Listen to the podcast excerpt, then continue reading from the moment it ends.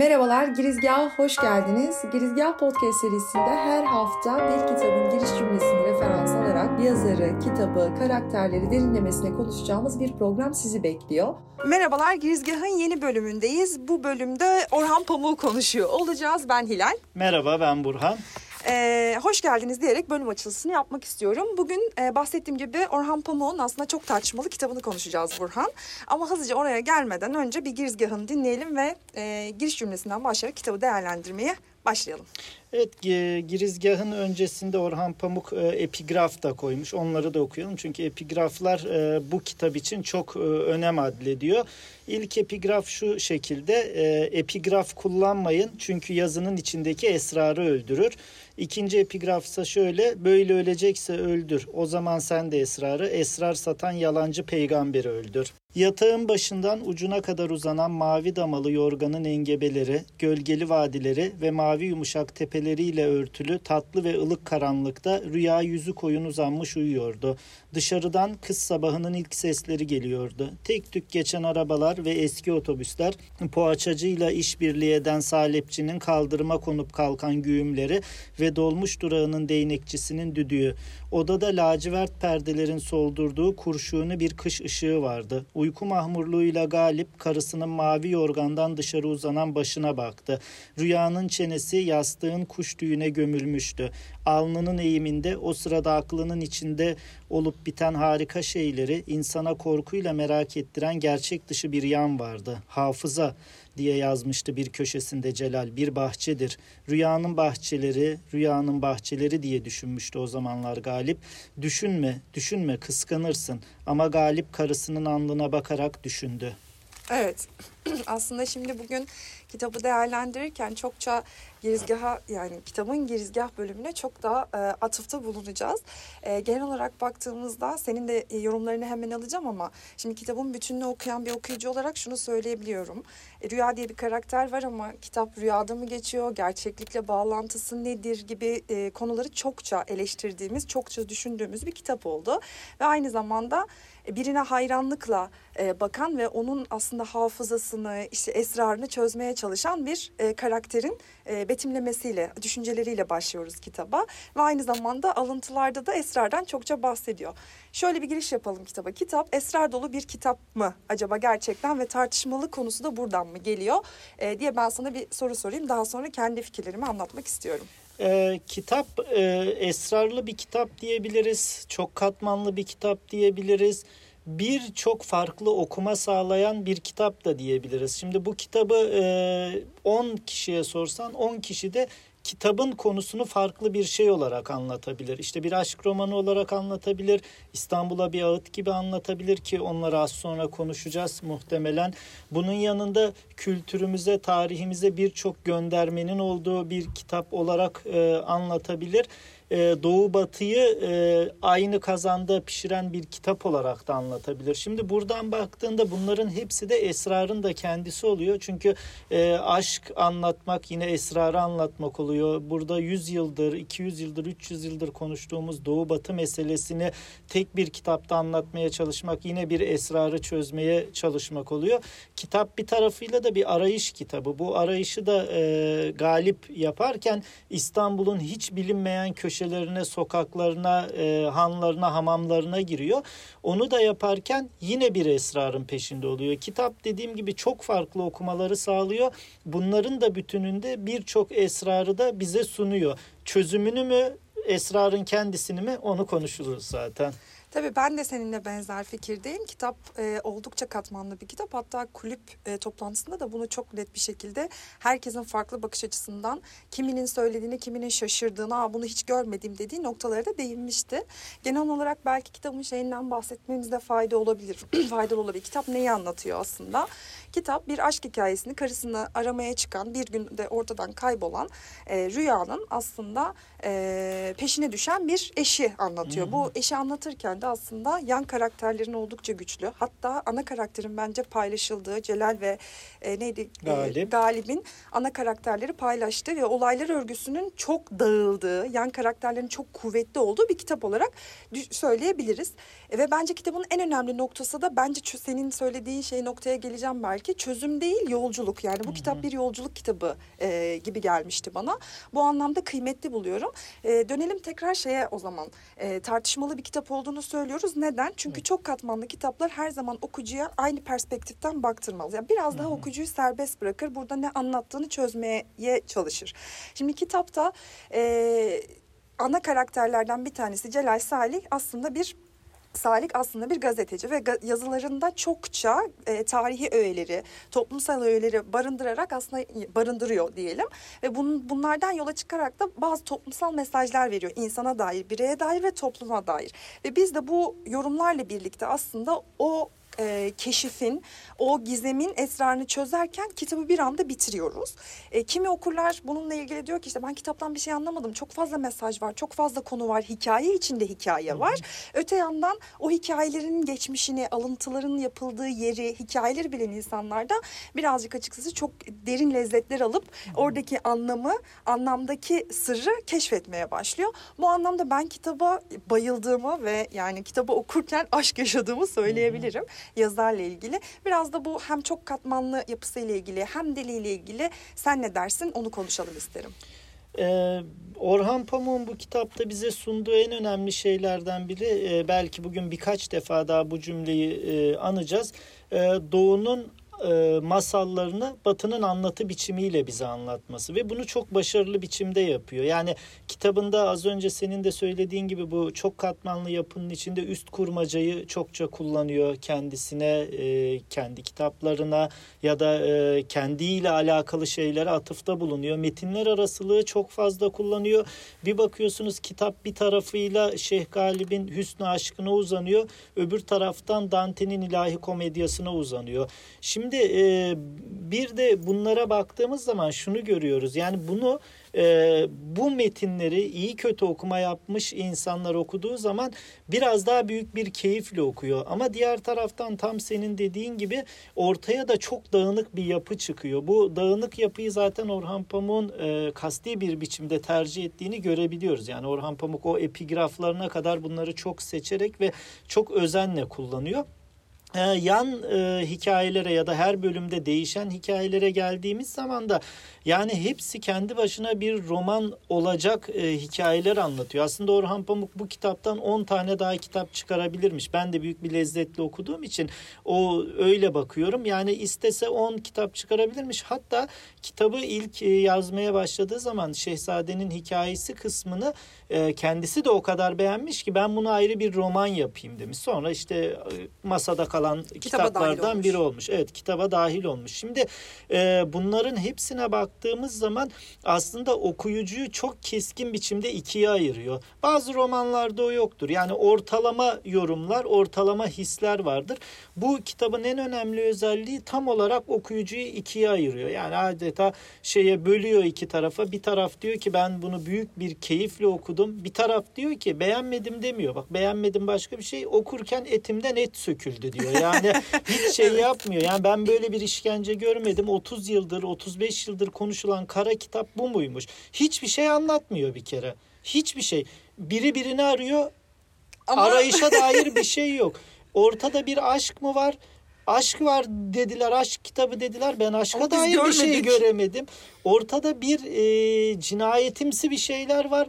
Ona dair de bir şey görmedik diyorlar ve bunu da okurken işte etinden et kopuyor insanların ama buradaki asıl mesele e, kahramanın hikayesinden öte tam senin dediğin gibi kahramanın yolculuğudur. Yani e, Belki de burada e, Orhan Pamuk şunu demek istemiştir. E, şey ben zaferden değil seferden sorumluyum demiştir. Kesinlikle demiştir bence. Evet demiştir. O e, zaferin değil e, seferin hikayesini çok güzel biçimde anlatıyor.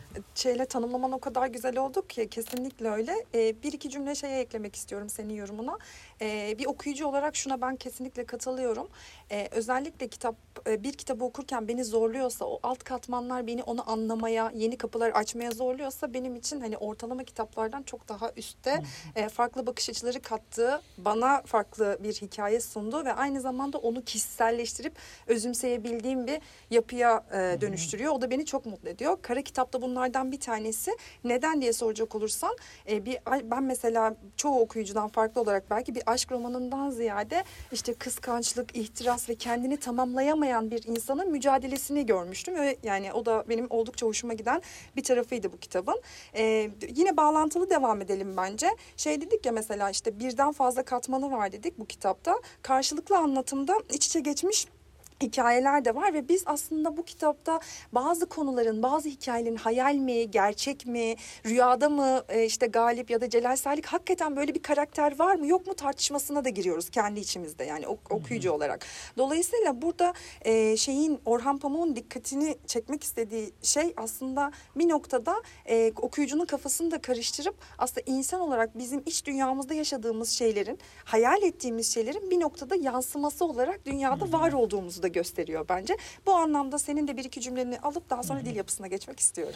Evet e, ya şimdi burada yine kitabın e, o şey temel aldığı metinlerden bir tanesi hemen Binbir Gece geliyor aklına. Orada bir masal biter, masal insanı yükseltir, yükseltir, yükseltir. Ama artık yeni bir masala geçmesi gerekir anlatıcının. Çünkü e, masal anlattıkça hayatına devam ettirebilir. Bu kitabı okurken de ben biraz da Orhan Pamuk'un bu hissiyatla yazdığını, bize de bunu hissettirdiğini düşünmüştüm. Yani bazı hikayeler bizi o kadar yükseltiyor ki işte Boğaz'ın sularının çekildiği e, zaman hikayesi, dediğim gibi Şehzade hikayesi, Bediüz Usta hikayesi bizi yükseltiyor. Merakla merakla merakla okuyoruz. Hikaye bitiyor. Çok yüksekteyiz. Sayfayı bir çeviriyoruz ve şey tamamen başka, Başka bir, bir şeye hikaye. geçmiş. Burada bu Orhan Pamuk'un bu anlatı biçimi de iç içe geçmiş hikaye biçimi de hem birbiriyle çok bağlı hem birbirinden çok ayrı hikayeler kurabilmesi de çok büyük bir başarı. Yani e, Bediye Usta ile Şehzade arasında çok çok büyük bir e, yol var ama o yol öyle bir hale geliyor ki e, temel olarak, hissiyat olarak, mantalite olarak bir noktada birleşiyor. Belki kitabın o iç içe geçmişliğinin ve bizim senin de benim de sevmemin sebeplerinden biri de budur diye düşünüyorum. Şimdi o zaman şeye bir e, değinelim bence Orhan Pamuk e, kitaplarında bence değil tabii ki Orhan Pamuk kitaplarında Doğu Batı meselesi her zaman aslında Orhan Pamuk'la eşleştirilmiş bir e, nokta. Ben de bu Doğu Batı meselesine e, karakterin ismini şu anda hatırlayamıyorum ama Beyoğlu'nda bir işte manken e, Bediüz Usta. Usta'ydı değil mi? Doğru. E, Usta'nın işte yapmış olduğu mankenlere e, gidiyoruz ve orası bence çok e, net bir şekilde ifade ediyor Doğu ve Batı arasındaki çelişki ve ben o noktaya değinmek istiyorum. Şimdi e, mankenleri şöyle bir atıfta bulunuyor. Mankenler e, aslında eski Osmanlı'ya yansıtan e, ve Osmanlı karakterlerini o dönemin e, görünümdeki insanlarını aslında gösteriyor ve orada şöyle bir şey geçiyor. Aslında insanlar e, kıyafet satın almazlar ya da bir şey satın almazlar. O hayalindeki insana dönüşmeyi satın alırlar diye bir cümle var. Tam olarak böyle değil ama bunu anımsattı bana.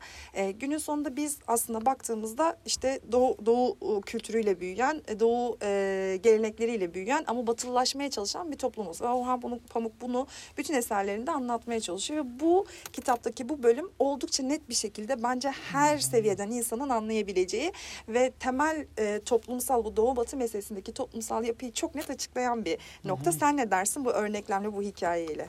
Evet e, yani tam olarak yanlış batılılaşma nedirin de cevabı. Karşılığı. Evet karşılığı çünkü şeyi e, çok iyi biçimde sunuyor. Oradaki o manken metaforu üzerinden işte mankenlerin giydirildiği kıyafetler, mankenlerin biçimleri üzerinden e, ve e, o mankenlere yapılan yorumlar üzerinden Orhan Pamuk aslında yanlış batılılaşma nasıl olur? E, burada bir reçete de vermiyor. Sadece durumu, Durumu analizi. durumu evet durumu söylüyor ve doğrusu da budur demiyor. Yani öyle zaten kitabın neredeyse hiçbir noktasında çok da öyle didaktik bir şey yok. Birçok bilgi veriyor ama bizi bir tarafa meylettirmiyor. Yani durum analizi çok fazla ve bu sayede de biz aslında o, e, kitabın bu e, şey doğulu e, yanlış batılılaşma ya da e, doğulu bakış açısıyla bizim de nerede olduğumuzu görebiliyoruz. Yani aslında 100 yıldır konuşulan şey işte biz e, nerede hata yaptık kısmı vardı. Yani onu Orhan Pamuk biraz da işte biz e, orada sadece kıyafetleri e, alarak yaptık diyor. Yani o çünkü Bediü ne diyor? E, insanlar diyor kıyafeti satın almaz, hayali satın alır. Senin mankenlerine baktıkları zaman sen bir hayal satmıyorsun. Aslında 100 yıldır ya da 200 yıldır bir hayal satılıyor. İnsanlar da bu hayali satın alıyor bu ülkede. Hikayenin kendisini satın almıyorlar. Aslında bir noktada baktığında sadece batılılaşma meselesini, yanlış batılılaşma meselesini değil bir noktada aslında e, kapitalist düzene de ufak bir eleştiri Evet. getiriyor. Yani Evet. in- kendini değiştirme değil aslında özünü değiştirme, özünü geliştirme değil o hayalin peşinden gidip ve onu satın almaya yönelik. Buraya bir not yazmışım o da hoşuma e, gitmişti onu da eklemek istiyorum tam bu konuyla ilgili.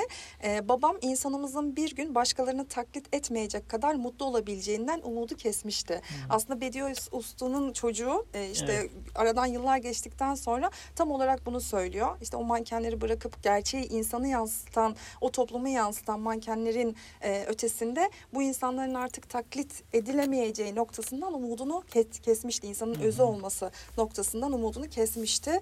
E, kesmedi hiç Evet. e, diyor. Peki o zaman e, şeye gelelim. E, başka bir noktasına gelelim e, kitabın. Şimdi bize hikayeciliği ve başkalarının hayatları üzerinden kurmayıcıyı da gösteriyor. E, Birçok e, dediğin gibi senin az önce bahsettiğin işte bir sürü hikaye var. Aslında bu hikayelerin özünde de bir insandan yola çıkarak farklı anlatımlar ve okuyucuya sunan farklı perspektifler var. İşte hep bir üst hikaye kavramıyla karşı karşıyayız. Bu hikayelerin özneleri de başka hikayeleri. Mesela içinde işte Türk filminden bir, Türk sinemasından bir karakteri görüyoruz. Ya da işte gece konduda yaşayan devrimcileri görüyoruz. Herkesin bir misyonu ve o dönemde e, farklı perspektiften hayat görüşleri var. Peki başlangıçta ama asıl hikayeye girmeden önce başlangıçta Pamuk bizi uyarıyor. Diyor ki "Ar- insanın artık hiçbir zaman hikayenin aslı hangisidir, hayatın aslı hangisidir anlayamayacağını anlattım diyor ilk e, şeylerde, sayfalarda. Evet. Dolayısıyla şunu söyleyebilir miyiz? Başta esrarı konuşmuştuk. Aslında hikayenin aslı hangisi? Ben bu kitapta size asıl hikayeyi anlatmaya çalışmıyorum. Birden fazla hikaye anlatmaya çalışıyorum ve insan da genel olarak bütün bu işte ufacık yaşamında asıl hikayeyi aramaya değil, hikayelerin içerisinde var olmaya, o yolculuğa gitmeye e, odaklanmalıdır diyor belki de. Benim çıkarımım bu yönde Evet olmuştu. e, güzel bir çıkarım hatta bununla ilgili şöyle bir şey var bir arkadaşımla tam da bu paragraf ve satırlar üzerine yıllar önce konuşurken o da şöyle bir şey demişti ya kardeşim manyak mı bu adam? Asıl hikayeyi niye anlatmıyor? Yani anlatsın bize o hikayeyi. İşte bu kitabın da tam olarak aslında e, söylediği şey de bu. E, asıl hikaye hangisi? Bunu e, bizim keşfetmemizi istiyor. Yani çoğu yerlerde yazar zaten bir ana eksen bir asıl hikaye üzerine gider. İlla ki yanda bir şeyler gelir. E, tek düze bir hayat yok. Sonuçta karakterler girer mekan değişir zaman değişir ama asıl hikaye hep akar. Buradaki e, kitabın büyük başarılarından biri de asıl hikayeyi okuyucuya bırakmayı bu kitabın e, çok güzel özelliklerinden biri çok geniş bir zemin sağlıyor okuyucuya. Yani okuyucu istediği e, şekilde okuyabildiği gibi istediği şekilde de anlayabiliyor. Bugün Orhan Pamuk'a da sorsan hani buradaki e, ana hikaye ne diye bugün söylediğini belki 3 yıl sonra değiştirebilir diye düşünüyorum. Çünkü o kadar geniş bir alana yaymış ki kitabını o geniş alanda biz okuyucular olarak istediğimiz şekilde at koşturabiliyoruz. Evet kesinlikle öyle. Ben de sana katılıyorum. Bu belki kitabın yazıldığı dönemde e, verdiği bir röpo- röportajda söylediği bir şeyi bugün bambaşka bir noktada yazar olsa yani o kitabın yazarı olsa dahi e, farklı yorumlayacaktır. İşte o da yaşanmışlıklarla ve Evet. hikayelerle bağlantı diyebiliriz. Son olarak e, şeye söyleyin yani kitabın bir noktasına değinelim. E, aynaya girdiği hikaye bölümünde bir akşamüstü sürülerle kargaların çığlık atarak çılgın bir uçuştuğu, e, çılgın gibi uçuştuğu bir saatte elektrikler birden kesildiğinde evimizin karanlığı ile dışarısının aydınlığı yavaş yavaş yer değiştirirken gene ısrarlı ve hüzünlü yüzünde ben gördüğümde kapıldığım o çaresizlik, acı ve kıskançlık severdim seni satırlarını okuduğumuz zaman görürüz ki kitap aynı zamanda çok güzel bir aşk hikayesi olarak da okuma imkanı sunuyor. Biraz da kitabın bu tarafını konuşalım. Yani e, Galip'le Rüya arasındaki aşk hikayesini açıkçası ben çok hani dedik, dedik gerçi bunu ama hı hı. tekrar üstes, üst, üzerinden geçmek e, gerekir mi emin değilim. Kitap bir yönüyle de bir aşk hikayesi ama ben o aşk hikayesini çok derinlemesini hissedemedim. Hı hı. Çünkü Rüya karakteri tamamen Galip gerçekten var mı yok mu bilmiyoruz. evet. Bir Galip'in kafasında bir karakter bile olabilir. Evet. Onunla evli bile olmayabilir. Yani şu anda benim yaptığım yorum bu. Evet. Hakikaten e, şey diyebilir miyiz? Rüya gibi bir karakter var ve Galip ona aşık ya da rüya gibi hayal ettiği bir karakter var. Olmak istediği bir karakter var ve Galip o karaktere aşık. Hatta ben şöyle bile söyleyebilirim yani. Galip Celal Salih'e bile aşık, aşık olabilir. evet. Diyelim senin e, yorumlarını alayım o konuyla ilgili. Ya şöyle buradaki e, hani romanda işte herkes kendi anladığı kısmından şey yapıyor. Yani o hep bahsettiğimiz çok geniş bir alana yayıldığı için e, bu aynaya girdi hikaye bölümündeki ben e, di, dili ve anlatım biçimini de çok sevmiştim. Şuradan böyle birkaç bir şey daha okuyayım. Yani rüyayı nasıl sevdiğine dair. Yani gerçekten rüya var mı yok mudan öte o şeye kavrama dair aşkını çok güzel anlatmış. Çok uzun bu. Ben ama birkaç kısmını okuyayım. Tolstoy kahramanları gibi hafifçe öne çıktığını gördüğümde seni severdim asansör aynasında kendine bir başkasına bakar gibi bakışını ve nedense bu bakıştan sonra hatırladığın şeyi telaşla çantanın içinde arayışını severdim. Biri yan yatmış ince bir yelkenli, öteki kambur bir kedi gibi yan yana durarak saatlerce seni bekleyen topuklu ayakkabılarının içine aceleyle girişini ve saatler sonra eve döndüğünde ayakkabıları gene aynı çamurlu ve asimetrik yalnızlığa terk etmeden önce kalçalarının, bacaklarının ve ayaklarının kendi kendilerine yaptıkları hünerli hareketleri seyretmeyi severdim. Şimdi burada bu böyle uzunca devam ediyor. Bu aslında e, bana iki şeyi hatırlattı. Birincisi Orhan Pamuk çok güzel aşk romanları da yazabilir yani bu yetkinlikte evet. ve kabiliyette. İkincisi de Orhan Pamuk e, edebiyatının sürekliliğine dair bir hatırlatma yaptı. Bu kitabı yıllar sonra okuduğum zaman. E, Orhan Pamuk'un Masumiyet Müzesi'nde e, bazen diye başlayan bir bölüm vardır. Yeni okuyanlar hatırlatır. O da sevenin çok sevdiği, sevmeyenin insanın e, etinden et kopardığı bölümlerden biridir. Evet 10 12 sayfa bazenle başlayan cümle yazmıştır orada. İşte bazen e, sigara içişine bakardım. Bazen camdan seyredişine bakardım. Bazen bazen bazen diye. Burada da seni severdimle başlayan böyle bir e, anlatı kurmuş ve iki kitap arasında 30 yıla yakın süre var ve Orhan Pamuk'un bu edebiyatının sürekliliğini de gösteriyor. Diğer taraftan aşk romanı olarak da ben açıkçası o e, rüyayı olan tutkusunu ben gerçek olarak düşünenlerdenim Hı-hı. diyelim. E, rüyaya olan tutkusunu, rüyaya olan o e, hastalık derecesinde bağlılığını e, ve kıskançlığını çok böyle severek de okudum. Yani rüya ile ilgili bir sürü ayrıntı, o ayrıntıların içinde yeni ayrıntılar yani git gittiği giderken bıraktığı nottaki kelime sayısına kadar, kadar. o kelime sayısı işte onu yazdığı kalemin e, mürekkebinin rengine yeşil. o evet yeşil o mürekkebin nedenine kadar inen bir e, tutkusu var rüyaya karşı. O yönüyle de ben romanı e, isteyenler bir e, aşk ve e, aşkı arayış işte sevdiğini arayış kitabı olarak da okuyabilir diye düşünüyorum. Evet sana e, bu cümleleri okurken e, sana ben de katılıyorum. Ama hala rüyanın gerçek bir karakteri olduğuna inancım e, çok e, az.